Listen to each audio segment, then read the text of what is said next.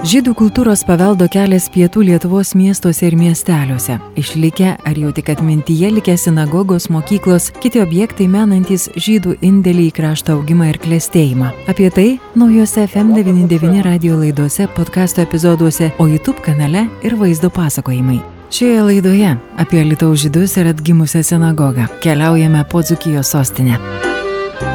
Projektą dalinai finansuoja Kultūros paveldo departamentas prie Kultūros ministerijos.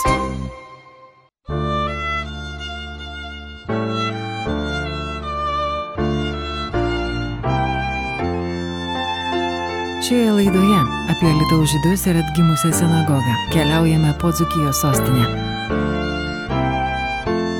Alitui Magdeburgo teisė suteiktos 1581-aisiais Stepono Batoro, 89-aisiais įsteigta Lietuvos ekonomija. Teigiama, jog 16 amžiuje Lietuje jau kūrėsi ir daugiau mažiau organizuota žydų bendruomenė. Kai kurių istorikų nuomonė pirmieji žydai Lietuje galėjo apsigyventi dar 15 amžiuje, tačiau dokumentais patvirtinta žydų istorija Lietuje prasidėjo vėliau.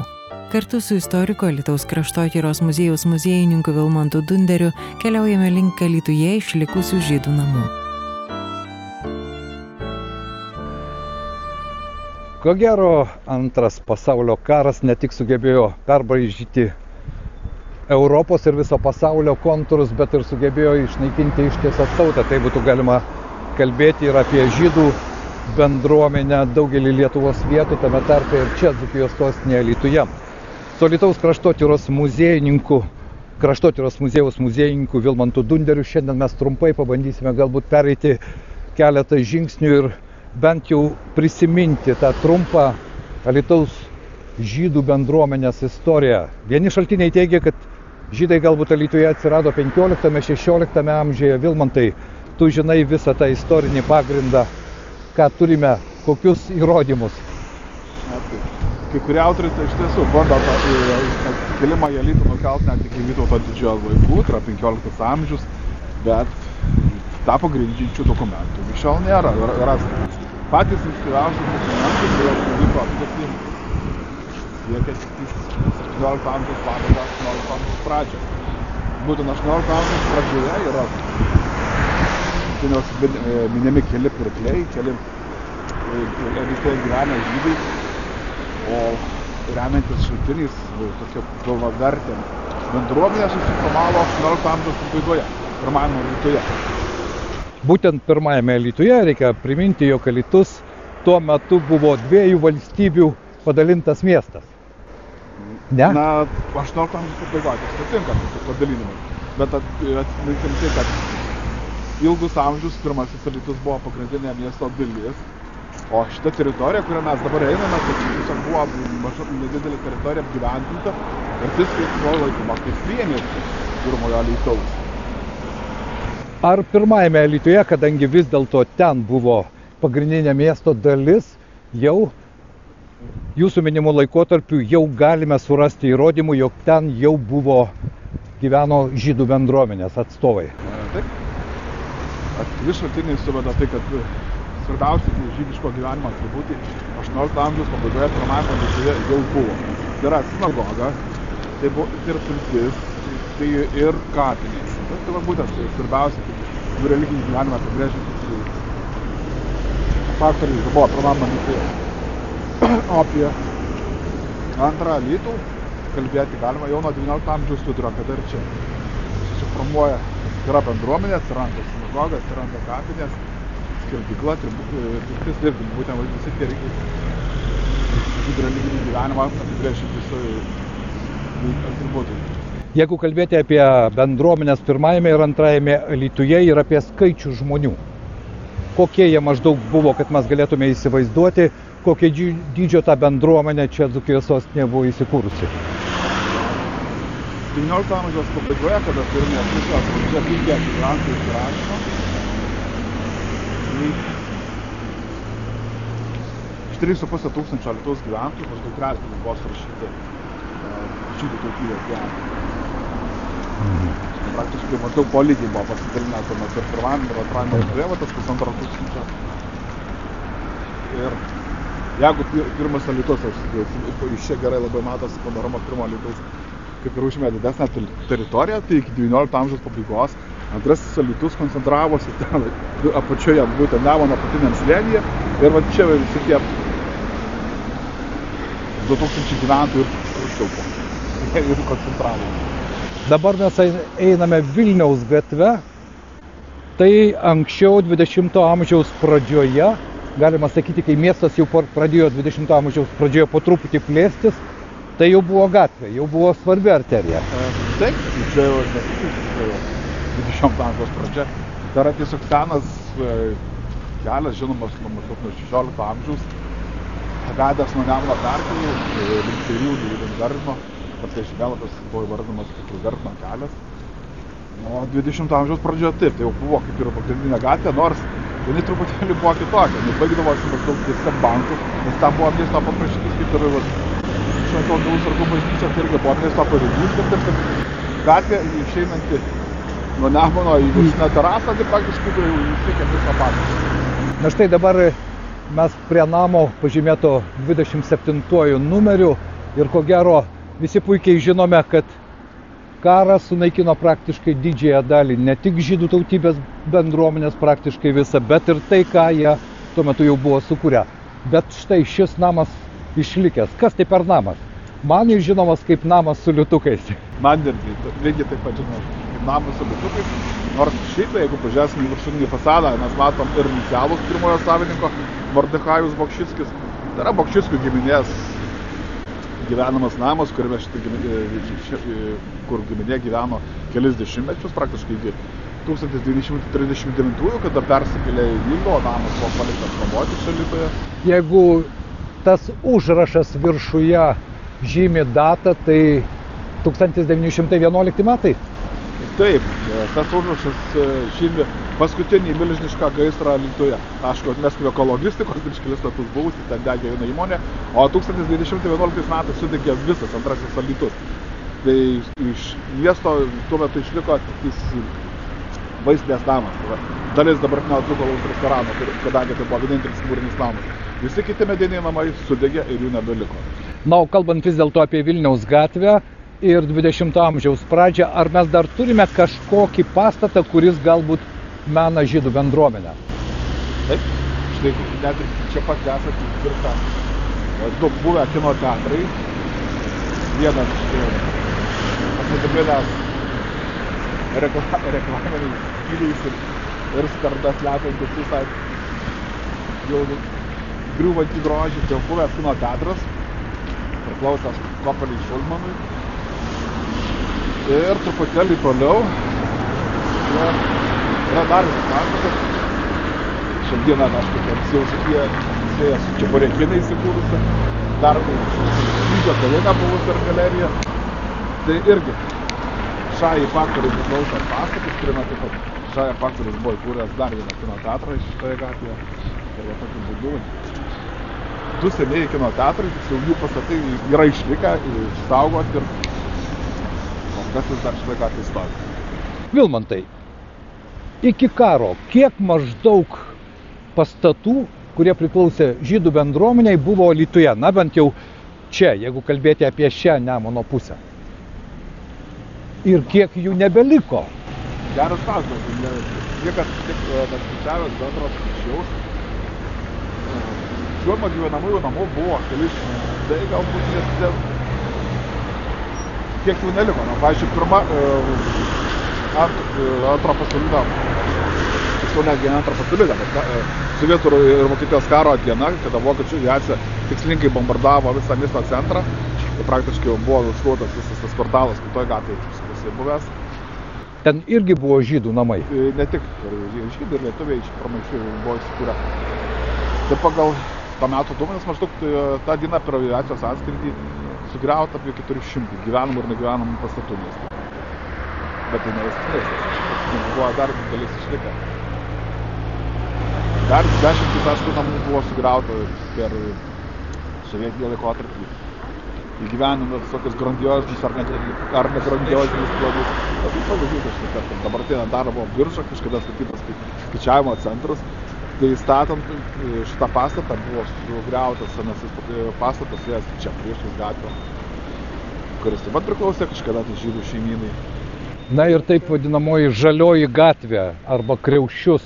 Ten irgi buvo žydų bendruomenė, ten netoli buvo ir žydų kapinės. E, O žydų bendruomenė ten nelabai Ne? koncentravosi. Žalioji gatvė gal daugiau lietuvių gyveno. Mhm. Na, o dabartinė... Kapinės tai buvo iš tiesų, kadangi labai tikslinga, tai buvo miesto pakraštys ir tiesiog prie upelio buvo įkurta. O va štai kitapus uh, upelio, kitapus žaliosios gatvės, teritorija, kurioje dabar, pavyzdžiui, yra įsikūrus uh, yra uh, ties Stašo Kudirkos ligoninė ir visa teritorija palei žalėją gatvę iki pat tvirtovės gatvės, tai vadinama Beralo žemė. Nes visa ta teritorija priklausė verslininkų iš Molį Beiralų ir visą pažymį statant ligoninę, iš jo buvo nupirktas žemės plotas e, tam, kad pasitikti ligoninę. Na kągi, o netrukus mes pratesime mūsų pokalbį ir pakalbėsime ir apie žmonės, apie žydų bendruomenės žmonės, kurie vienokiu ar kitokiu būdu tame istorinėme neramame laikotarpėje paliko savo pėdsaką. Ir aš tikiuosi, kad tas pėdsakas yra kažkiek jaučiamas ir dabar. Ir Gerbimo Vilma, mes ten irgi pakalbinsime, bet paskutinis klausimas. Štai dabartinėje miesto centre, Darius ir Girieno gatvėje, čia kas nors buvo iš žydų? Taip. Suprojektavo šitą kvartalą, aišku, kūręs ir jame taip pat ir žydų tautybės e, alitiškiai, verslininkai. Rotušės aikštėje taip pat buvo Vidas kitas žydų tautybės e, gyventojas, nors aišku, ten vis dėlto dominavo daugiau lietuvių. Nors Kaplono namas, pavyzdžiui, žinomas, buvo taip pat kažkokiu Rotušės aikštė. Keliaujant Pulko gatve, taip pat ir šiandieną galima prisipioti ir rasti tris namokus, kurie taip pat yra e, žydų tautybės gyventojams priklausę, taip pavyzdžiui, viename iš jų gyveno Landau šeimyna, turėjusi parduotuvę. E, Netgi ir pasižiūrint į, į, į tai, atsakant į klausimą, pavyzdžiui, kas pradingo, kas išnyko. Tai sakykim, ten, kur yra šalia pašto dabar didelė grandiozinė sankryčia prie teatro. Tai toje sankryčioje, ten, kur prasideda Jotvingių gatvė, iki pat pokario laikotarpio stovėjo e, e, Pirklio Alšos ir mano namas. Kadangi jų šeimynas žuvo holokausto metu, giminės vėliau tą namą paveldėjo ir e, pardavė kitiems e, Savininkas. savininkams. Ir tokiu būdu tą namą įsigijo Larionas Šetirnikovas. Viktoro Šetirnikovo tėtis. Ir va būtent e, tokiu būdu štai susisėjo ta ta istorija, tame name prabėgo Viktoro vaikystė, bet dėja projektuojant naujas gatves, va būtent projektuojant naują dabar tą Jotvingių dabartinę gatvę. Šeštame dešimtmetyje tas namas buvo e, nupirktas savivaldyb- e, to meto miesto valdžios, nugriautas ir nutiesta gatvė. Vardan miesto gerovės ir plėtros buvo apkulkoti gyvenamieji namai. Bokšickių šeimos namas su liūtukais dar turi šeimininką - Sadija Bahat Bokšickis. 1928 Liepos 27 dieną gimė Sadija, pirmosius 11 savo gyvenimo metų praleido Lietuvoje kol 1939-aisiais persikėlė į Vilnių. Tačiau būtent Alytų jis laiko savo gimtaisiais namais, o čia praleistos dienos buvo laimingiausios, kai turėjo savo tėvus. Sadija Bahat nuolat sugrįžta į Alytų, kaip ir šiais metais, kartu su savo darbų paroda. Sadija viešinti Alytuje, jo parodoje kalbina Liudas Ramanauskas apie vaikystę iki holokausto ir Gedimino sapną, kuris tuomet buvo kiek kitoks nei dabar. Sadė, jūs esate paskutinis žydų bendruomenės tarpukario Alytuje narys. Žmogus, kuris iki dabar prisimena savo vaikystę Alytuje. O mes prisimename jūsų tėvų ir jūsų namą, namą su liūtukais. Taip, Štai po tiek metų jūs sugrįžtate vėl į Alytų su savo skulptūromis, su savo kūryba. Ir man labai įdomu, kiek tas Alytus dar yra jūsų mintise, jūsų širdyje. labai labai svarbus man. Aš galiu pasakyti, aš nežin, nežinojau, ko- kodėl, bet tai yra tikra, tikrai ta vieta, kur, kur aš turėjau tėvus. Aš, vi- kai mes iš- e, persikėlėm į Vilnių 39 mena- metais, tai jo- mano tėvas labai daug dirbo ir tai, tai jau tai buvo šeima, bet tikras šeimos gyvenimas tai Alytuje.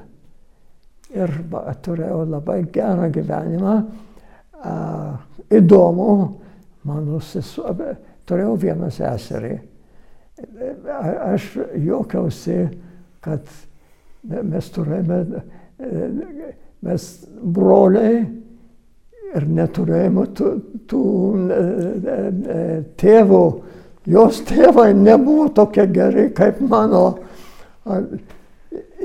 Įmirė, kai jai buvo 92 metų, ne, ne, prieš 9 metus.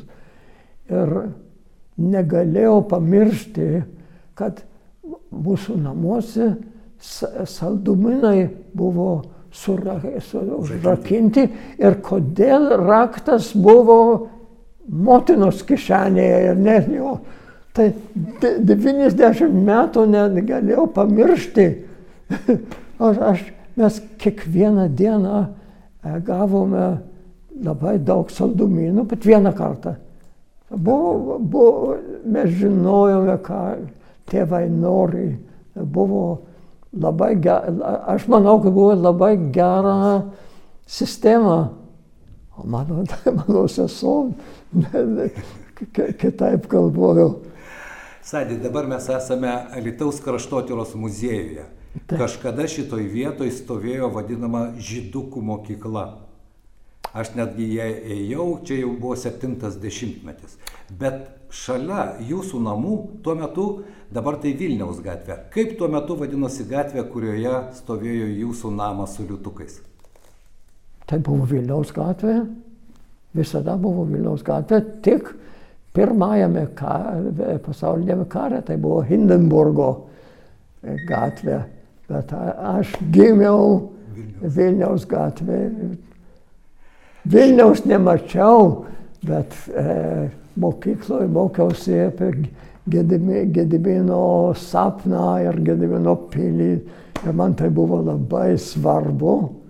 Bet yra kas nors, dabar aš Lietuvoje šito negirdėjau. Mus mokė, kad kai Gediminas pradėjo savo tvirtovę statyti, tai pir, po pirmo e, akmenį kūdikį e, aukojo. E, aukojo. Ir dabar apie šitą nekalbu. Tai ne, ne politika, politika yra negerai pasakyti, bet mes ant ten šitos, šitą, šitą žinojom. Ir kai persikėlėm į Vilnių, vienas pirmiausių uh, vietų, kur, kurias aš norėjau pamatyti, tai buvo Gedimino pilis, tai buvo labai svarbu. Sadė, šiandien norėčiau su jumis dar pakalbėti apie Alitaus senąją sinagogą, kuri dabar yra atrestauruota. Ji buvo netoli jūsų namų. Taip. Kas tuo metu buvo žydams ir Sadį Vahatui sinagoga Lietuvoje? Tai įdomus, įdomus klausimas mano seneliai iš dviejų pusių buvo religingi. Mano tėvai jau nebuvo religingi. Ir kai buvo e, šventės, e, aš gulėjau su savo tėvu lovoje ir senelis atėjo, jau laikas eiti į sinagogą. Ir po ke kelių minučių tą nu, jūs jau galite eiti į sinagogą. Ir kai mes atėjome į sinagogą, tai tė, tėvas buvo sinagogoje, o vaikai e, žaidė iš tai aš nu, daug ne, ne, nežinau. Aš manau, kad ketvirtoj klasėje mano sesuo nusprendė, kad ji religinga. Vienas, vienas metas. Ir dar vienas. A, aš, aš buvau mažas vaikelis ir daktaras pasakė, kad aš turiu valgyti uh, fe, fetar, fet, mėsą, keulienę. Keulieną. Ar aš, aš ne, ne, nenorėjau, tai turėjome vienas, mes vadinome dėdė Efrosas. Jis buvo mokytas žmogus ir mane pas jį atvedė ir jis nusprendė, kad dėl mano sveikatos aš galiu valgyti kaulieną. Ir, ir mes turėjome e, vieną Rozaliją, kur visada pas mus dirbo, pas mus gyveno Rozalija. Ir kaimietė kokį nors. Ir Rozalija žinojo visus įstatymus, kaip, kad būtų košer. Ir mes turėjome du, dvi serijos e, lekščių ir e, dėl mėsos ir dėl pieno. Dar du serijos tai buvo dėl paskos, pesach. Ten ne, ne, negalima e, su tais indais e, vartytis. Tai turėjome keturias serijas ir turėjome ket, kelias lėkštės keulieniai. Specialiai sądė. Taip. taip. Ja, mano tėvas niekada nenorėjo e, keulienės valgyti, bet jis visiškai nebuvo e, religingas. Ir aš buvau, man buvo labai malonu, kai aš už, užaugau, kad neturėjau kompleksų.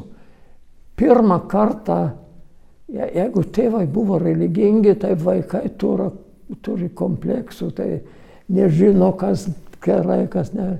Aš jau neturėjau tokių problemų, todėl kad mano tėvai nebuvo religingi. Pasakoja namo su liutukais buvęs šeimininkas. 1941-aisiais ankstesnis gyvenimas baigėsi. Mokslus teko mesti ir Bokšiskių šeima buvo įkalinta gete. 43-aisiais prieš pat geto likvidaciją Sadija buvo atskirtas nuo šeimos ir deportuotas į koncentracijos stovyklą Estijoje. Vėliau perkeltas į Študhofą, kur sugebėjo pabėgti iš vaikų būrio gabenamo į dujų kambarius Birkenau. Išgyveno 7 iš 514 vėliau perkeltas į Danzig Burgraben ir galiausiai išlaisvintas 45-aisiais, Sadija atgavęs jėgas bandė sugrįžti į Lietuvą. Tačiau sužinojęs, kad vienintelis gyvas likęs Lietuvoje šeimos narys buvo jo sesuo Lilija, Sadija nusprendė vykti į Palestiną, kurią jis pasiekė dar po metų. Išėjęs į pensiją, Sadija atrado savo naują pašaukimą ir pradėjo skulptoriaus karjerą. Jis laimėjęs apdovanojimus Izraelyje bei Italijoje. Visame pasaulyje eksponuojama 20 jo skulptūrų. Visą pokalbį su Sadija Bahat ir jo prisiminimus ne tik iš Alitaus, bet ir koncentracijos stovyklų bei vėlesnių gyvenimo periodų galite žiūrėti radio stoties FM99 YouTube kanale.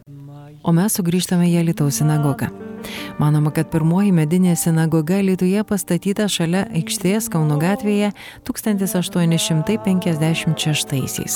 Tai buvęs nedidelis krosnėmis šildomas namas, kuriame glaudėsi mokykla ir rabino būtas. Vėliau atsirado ir mūrinė sinagoga. Pakeliavę po senąją Alitaus miesto gatvę mes sugrįžtame į Alitaus senąją sinagogą. Vilma Jančiulytė, Lietuvos kraštotyros muziejaus istorijos skyriaus vedėja geriausiai žino, kasgi buvo ta Lietuvos sinagoga, kokie žmonės čia gyveno, kokia bendruomenė tuo metu buvo. Mm, na, jeigu kalbėtumėm tik tai apie žydų bendruomenę, tikriausiai taip. Taip. Tai um, Alitoje žydų bendruomenė, bent jau tarpukaryje, E, buvo tikrai pakankamai turtinga, tikriausiai galima sakyti, ir pakankamai gausi, nors e, žmonių skaičius e, nebuvo toks didelis, tarkim, kaip kituose miestuose arba miesteliuose, na, procentų nebuvo tiek daug žydų, buvo apie 30 procentų žydų Lietuvoje gyveno, bet tikrai jie beveik sudarė ten virš 1700 gyventojų. Tai ta bendruomenė buvo tikrai labai įvairi, bet e, didžioji dalis bendruomenės vis dėlto buvo mm, amatininkai, tarkim, prekybininkai. Na, jie gyveno būtent Alitaus mieste, pačiam miesto centre, galima sakyti. Ir pirmajame Lietuvoje gyvenę žydai irgi buvo pagrindiniai gatviai, tarkim, Jozapavičiaus, Merkinės gatvė, Sinagogos gatvė tuo metu buvo. Tai jie ten gyveno ir šitoje pusėje, kairiajame Nemuno krante, tai žydų bendruomenė irgi buvo įsikūrusi būtent senosiose miesto gatvėse. Tai yra Vilniaus gatvė, Nemuno gatvė, Kauno gatvė. Tai visos šitos gatvės ir gatvelės, kurios yra aplink sinagogą ir buvo labiausiai tankiausiai žydų gyvenamos. Na ir ta bendruomenė iš karto gali pasakyti, kad tikrai buvo turtinga vien tik pažvelgus į pačią sinagogą. Taip, štai ir norėjau paklausti, keliaudami po Dzukijos miestelius mes matome, kur išlikę, kur neišlikę, bet pagrindinė tai yra medinės sinagogos. Štai Alituje mes turime tokią sinagogą, kuri iš tikrųjų, vien pažvelgus į jos tapytas Sienas sako, jog čia buvo bendruomenė, kuri turėjo už ką, turėjo tam tikrą skonį ir turėjo lėšas. E, na taip, taip e, mes taip sprendžiame. Tikrai nežinom tikrai, kiek jie turėjo ir kiek įdėjo, nes iš tiesų duomenų, aplamai duomenų apie šitą sinagogos statybą mes neturime. Kol kas e, dar ne, nesam radę archyvuose, ne, galbūt išlikę, bet mes dar nerandame duomenų, kada jinai tikrai pastatyta bet e, tikrai manom, kad jinai galėjo būti pastatyta XIX amžiaus jau pačioje pabaigoje. E, na ir iš tiesų iš to jos vidaus interjero tikrai e, dėl gražių tapybos darbų ant sienų tikrai galime spręsti, kad čia žmonės dėjo nemažai pastangų ir lėšų, kad šita sinagoga atrodytų labai prabangiai. Na ir iš tiesų dabar, kas atvykę į sinagogą, pamatę tas sienas, gali truputėlį taip pasimesti šiek tiek, e, nesuprasti, kas čia yra, nes iš tiesų mes matome iš karto, e, iš karto neaišku, ryškų vaizdą, bet matom tokius keistus, keistas lopus ant sienų, detalės tam tikras, tai, bet iš tiesų yra labai didelis darbas padarytas restauratorių kurie sugebėjo išsaugoti viską, kas liko ir išsaugoti būtent šitoje sinagogoje du tapybos etapus. Tai yra sinagoga e, atidengus visas tas sienas ir e, atidengus tapybos sluoksnius pasimatė, kad sinagoga tikrai patyrė didelius nuostolius gaisro metu. Ir kaip e, manoma, būtent tas gaisras įvykęs Alitoje 1911 metais, kuomet e, kairė Nemuno pusėje būtent sudegė vos ne visas miestas ir miestelis, tai greičiausiai degė ir sinagoga. Ir dabar yra lygiai taip pat ar įvardyjama kaip ir sinagogos ta data, žinoma, 1911 metai, tai vis dėlto tai tikriausiai atstatymo būtent data. Ir vat, čia matosi puikiai, e, kada jinai buvo prieš tai gražiai ištapyta, puikiais e, marmuro plokščių imitacijom, Tai tas pirmasis tapybos sluoksnis, būtent skaitomas kaip ir prabangus ir, ir apie pačią tapymo technologiją, tai aš jums daug nepapasakosiu, vis dėlto nesu nei restauratorė, nei tapytoja, bet e, būtent restauratoriai man pasakoja, kad tai tikrai rodo, nes brangiom medžiagom tapyta ir tai rodo būtent tą turtingumą.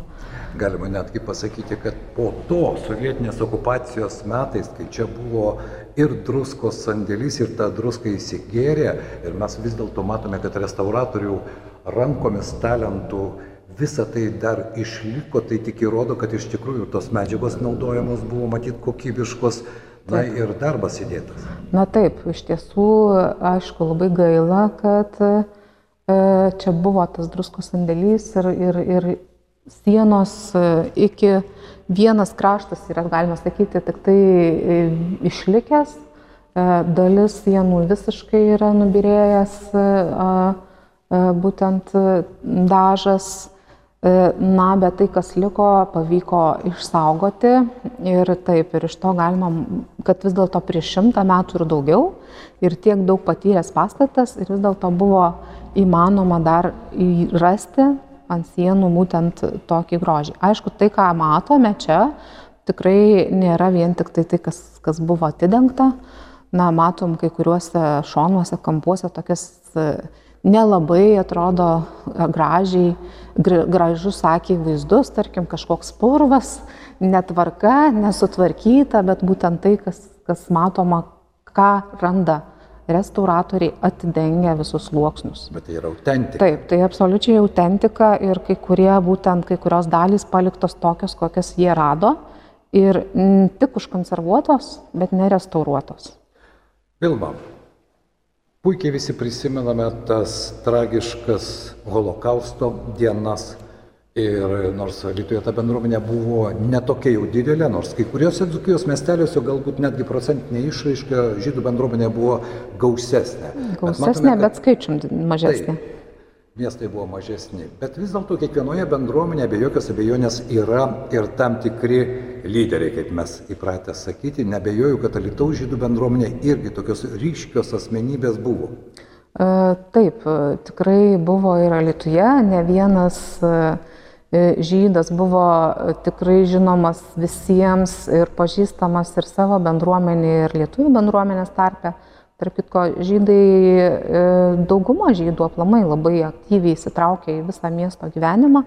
Ar jie bebūtų, ar jie bebūtų lietuviai ar žydai, jie vis tiek bendrai visą miesto dalyvavo ir miesto valdyme, ir, ir miesto, ir, ir, ir taip, miesto ir, visuomeniniam, ir kultūriniam, ir švietimo, ir panašiai.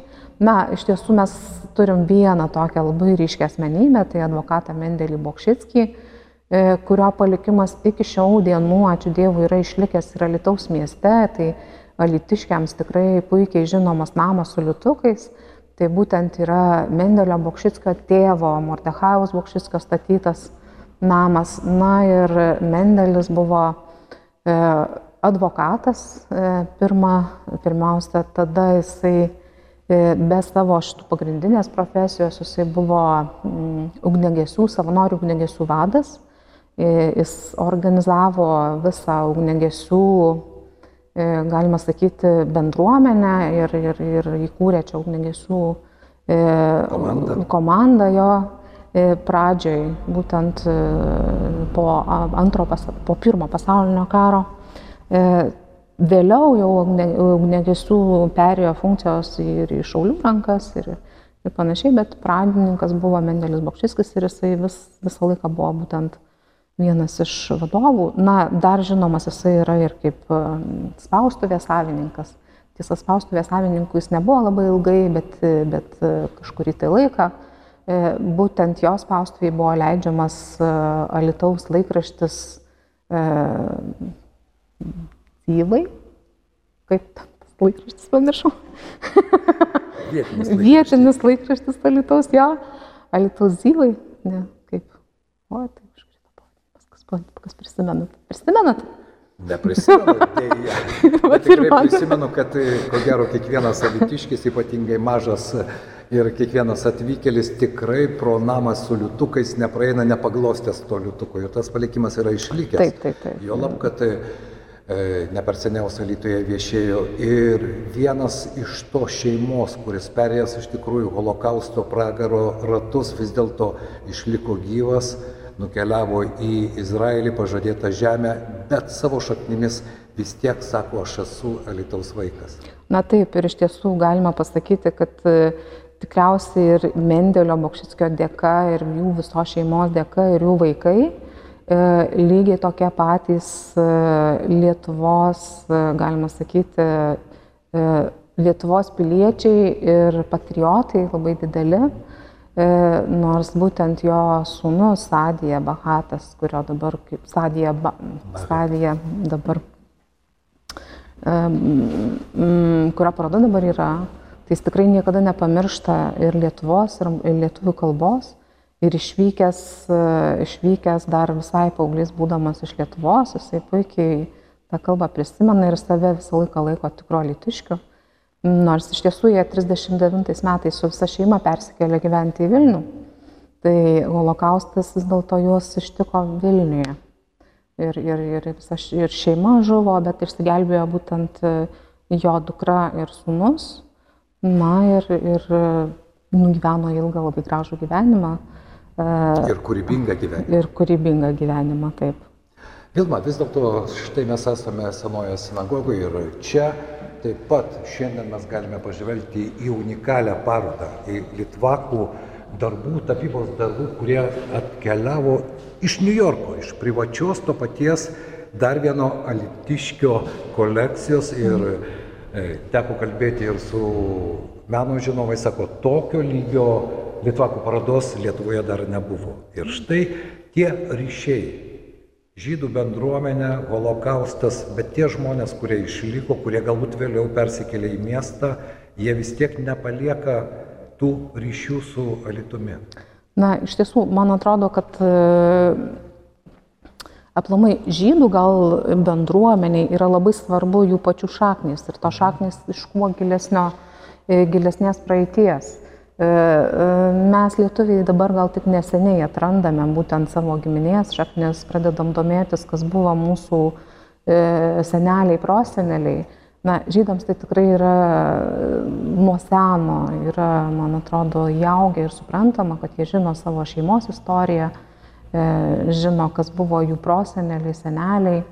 Na ir iš tiesų į Lietuvos miestą atvyksta tikrai ne vienas e, e, pasaulyje gyvenantis žydas, kuris ieško būtent savo šaknų, savo šeimos šaknų. Žino, tarkim, kad tie seneliai, proseneliai buvo išvykę iš Alitaus, na, ne tik tai, ne tik tai tarpu karių iš tiesų. Tikrai atvyksta tokių palikonių, kurie žino, kad XIX amžiaus pabaigoje išvyko. Arba dar prieš pirmą pasaulinį karą yra Tuo išvykę. buvo nemaža tokia emigracijos. Tikrai banga. buvo tokia taip. pati, kaip ir lietuviai, taip pat ir žydai, lygiai taip pat keliavo į pasaulį, ieškodami savo laimės. E, e, tai tuo metu pasklido gal plačiau po visą pasaulį, tarkim, ir Pietų Amerikoje, ir, ir, ir Amerikoje, ir Afrikoje. Na, gal tarpu karių daugiau žydų keliasi jau būtent gyventi į Palestiną. Tai tikrai nemažai jų išvyko ir iš Alitaus. Na ir po truputėlį, po truputėlį, tarkim, tikrai yra grįžtančių, ieškančių savo šaknų. Kartais mes jiems galime padėti ir žinome, tarkim, kažką tai apie jų giminaičius. Kartais nieko nežinome, kartais sužinome iš jų kažką daugiau. Na, iš tiesų, kaip pavyzdys, e, apie kurį kalbėjo Vat Vilmantas, e, būtent e, laikrodininko pavyzdys, kur atvyko anūkas, ne anūkas, proanūkis, ieškodami savo, savo prosenelę būtent e, istorijos apie jį. Mes tikrai ją turėjome, galėjome pasidalinti, na, bet ir jie mums lygiai taip pat davė tam tikrų žinių, atsiuntė nuotraukų, kaip atrodė tie žmonės. Vilma, štai sinagoga. Dabar tai yra audiovizualių menų centras. Iš esmės, mano nuomonė, tai yra vienas iš unikaliausių išsaugoto Lietuvos miesto istorijos pastatų, bet tuo pat metu čia yra ypatinga aura. Trečiame aukšte mes galime pamatyti nemažą ekspoziciją, kuri skirta būtent žydų bendruomeniai Alytuje su istoriniais akcentais ir kviečiame žinoma užsukti ir pasižiūrėti. Bet iš esmės jūsų nuomonė, aš tai, kad sinagoga prikelta naujam gyvenimui. Ir čia savo vietą suranda tiek žydų bendruomenės atstovai atvažiuojantis, grojantis, muzikuojantis, skaitantis, bet ir ta pati lietuvių bendruomenė, mano nuomonė, praturtina savo supratimą ir apie savo, ir apie savo miesto istoriją. Na taip, iš tiesų, manau, kad pritariu jūsų nuomonė, tikrai sinagoga e, šiuo metu Alituje tai yra tikrai išskirtinis pastatas, būtent e, vienas iš nedaugelio architektūrinių paminklų Alitaus mieste m, išlikusių, apie ką galima, galima pasakoti, būtent apie, apie architektūros meną, apie architektūros palikimą, ko Alitoje tikrai nėra daug. Mes turime XIX amžiaus pabaigos carinės Rusijos statytas kareivinės, bet jos net nėra įpaveldintos. E, naudojamos yra, bet neįpaveldintos. Na, o čia šitas būtent pastatas e, yra saugomas e, kaip architektūrinis paminklas. Na ir tikrai apie sinagogoje būdami mes galime apkalbėti apie visą miesto istoriją. Tikrai, pradedant galbūt daugiau apie žydų bendruomenės gyvenimą, bet lygiai taip pat ir miestui yra labai svarbi šita vieta, nes tikrai mes galime prasiplėsti ir į, didesnis, į didesnį, platesnį kontekstą ir kalbėti apie visą miesto gyvenimą.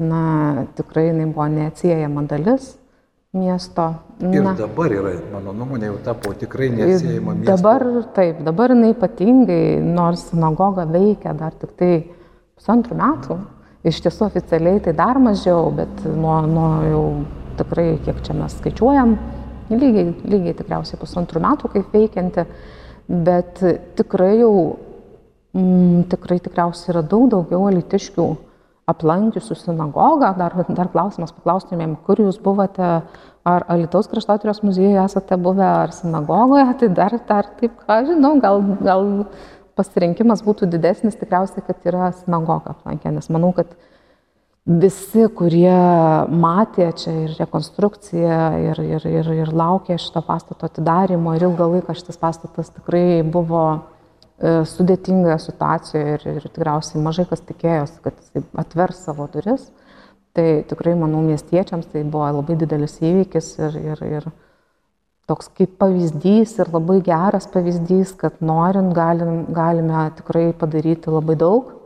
Ir, ir, ir išsaugoti istoriją. paveldą, išsaugoti istoriją ir, ir, ir ją naudoti, po to irgi labai, labai taip naudingai, kryptingai Ir mes irgi džiaugiamės, kad čia mes galime kaip muziejus veikti ir tikime, kad būtent, kadangi čia yra muziejus, mes tikrai galime įprasminti šito pastato gyvenimą tikrai labai atsakingai ir, ir, ir pristatyti visuomeniai labai daug gerų dalykų, pradedant istoriją ir, ir baigiant įvairiais kitais ir, ir menas, ir, ir koncertai, ir na, labai platus diapazonas gali būti. Taip, be jokios abejonės, štai dabar mes kalbame Lietuvos sinagogoje, o čia ir Sutinas, ir Modelijanės, ir misticizmo ugnis. Ir aš tikiuosi, kad tai iš tikrųjų ne paskutinė paroda, kurią bus galima pamatyti čia, pasaulinio masto kuriejų parodos, na ir tie atlikėjai, kurie čia atvyksta, čia taip pat galima sutikti žmonių, kurie žinomi visame pasaulyje. Parodos atidarime mes matėme iš tikrųjų daug ir žydų bendruomenės atstovų, kurie šiuo metu gyvena Lietuvoje, kurie kūrė Lietuvoje. Vilma, noriu padėkoti Jums už Jūsų tą gebėjimą išsaugoti ir nebejoju, kad ir pakviesti užsukti į senąją sinagogą, užkopti į trečiąjį aukštą, aplankyti ekspoziciją ir galbūt sužinoti tai, ko mes dar nežinome. O juk visada kažko nežinome. Taip, aš tikrai tikiu, kad kiekvienas apsilankęs čia tikrai kažką naujo sužinos ir įsineš. Ir išsineš gerą, gerą aurą šitos sinagogos dalim, su dalimi savęs. Ačiū Jums labai. Dėkui. Vienas gražiausių ir vertingiausių istorinių pastatų Lietuvoje visai neseniai buvo apleistas ir griūvantis. Sovietmečių čia buvo drusko sandėlis ir druska giliai įsigėrė į plytinės sienas. Veiksmų sinagogos rekonstrukcijai imtasi 2015 metais. Vienas ilgiausiai trukusių darbų - pašalinti druską iš plytų. Plytos nuolat buvo tepamos ištraukiančią medžiagą, druska nuvaloma ir vėl iš naujo. Prireikė penkerių metų, kol pastatas tapo tuo, kuo yra dabar. O dabar čia verda gyvenimas. Be kitų įvairiausių koncertų ir parodų, 2022 rudenį sinagogoje atidaryta paroda iš dar vieno Alitoje užaugusio žydo, Alitaus ambasadorius Samuelio Taco privačios kolekcijos, atkeliavusi iš New Yorko. Taip pirmą kartą Lietuvoje atsidūrė du pasaulinės šlovės sulaukę 20-ojo amžiaus meno grandai - Kaimas Sutinas ir Amadėjo Modilijanis. Pasidalinti su alitiškiais dalykų, ką aš tikrai mėgstu ir myliu. Aš daugiau nieko jums nepasakysiu, tik tai žiūrėkite. Ir yra čia kuratorė, kuratorė, kurator. Jėva, kurie jums kam kažką daugiau pasakys. O bendrai tai aiškiai ir laikraščiuose, ir radijoje aš kalbu apie tą kolekciją ką aš jaučiu, kaip aš pradėjau, kiek aš mokėjau, visiems įdomu. Klausykite, turėkite gerą laiką ir jums dar gros du geriausi, žymiausi mano draugai, kurie atvažiavo specialiai, kad porą minučių pagroti tą muziką, kurią šitie dailininkai dievinau, nes muzika, menas eina kartu. Ir aš dėkingas Alitui, kad meilę menui ir muzikai aš čia pajutau. Ir kad man žymiai lengviau gyventi pasaulyje, ieškoti, ieškant, džiaugtis asmeniu ir klausyti muziką. O svarbiausia man, kad jūs šitos sienos kurios girdėjo šimtą metų žydų kalbą. Jūs šiandien išgirsite pirmą kartą žydų kalbą ir bus paskaitytas eilėraštis, kuris vers jums pagalvoti, kas tie žydai iš tikrųjų buvę mūsų kaimynai. Ir ją skaitys jau pasakė, vienas žymiausių pasaulio pianistų, kuris specialiai šiam pasakiau, kad toks atvejis dėl sinagogos ir kad čia ta paroda, ir jisai sutiko atvažiuoti į Lytų, į tą štetlą ir paskaityti tą eilėraštį. Dar kartą visiems labai labai ačiū čia yra mano vaikystės draugai, kurie žinojo mane nuo 5-6 metų, čia yra mano draugai mokykloje ir mano nauji draugai, kurie aš susitikau ir turiu didžiausią malonumą su jais bendrauti šiandien Vilniuje. Ačiū. Parodos atidarime kalbėjo kolekcijos savininkas Samuelis Tacas. Iš Junktinių Amerikos valstijų į parodos atidarimą atvyko ir žymus žydų pianistas Evgenij Kisin, kuris skaitė eilėraštį žydų kalba.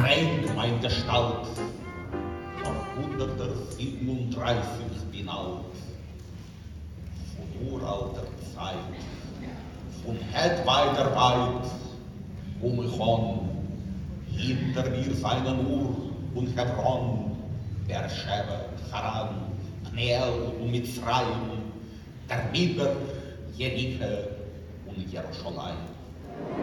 Во всем мире музыкант узнаваемый. Но сегодня вы в Алитусе, небольшом литовском городе. И вот эта выставка, какие чувства, какие, какие восприятия у вас?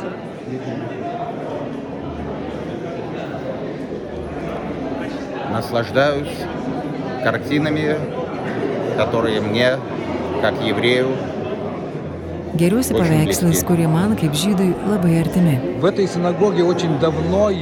Šioje sinagogoje ilgai neskambėjo žydų kalba ir štai šiandien ją išgirdome iš jūsų lūpų. Это вам очень, я не знаю, потому что ну, у меня по коже дрожь бежала, когда Спасибо я слушал. большое. Ну вот я сказал в своей речи, что эта выставка может послужить данью памяти евреев Алитуса, погибших в Холокосте. Aš savo kalboje sakiau, kad ši paroda gali pasitarnauti žuvusių holokaustą Lietuvos žydų atminimui. Galbūt šios mano perskaitytos eilės taip pat taps tam tikrą duoklę jų atminimui. Kalbėjo žymus pasaulio menininkas Evgenij Kisin. 1941 metais Vitsgirio miške per kelias dienas buvo išžudyti beveik visi, apie 2000 Alitaus ir jo apylinkės žydų. Žydų bendruomenė Alitoje išnyko. Tačiau šiandieną ją mena atgimusi sinagoga ir sugrįžtantis bei savo prisiminimais ar kūryba besidalyjantis čia kadais gyvenę žydai. Alitaus žydų istoriją jums pasakojo Liudas Ramanauskas ir Vilija Kvedaraitė.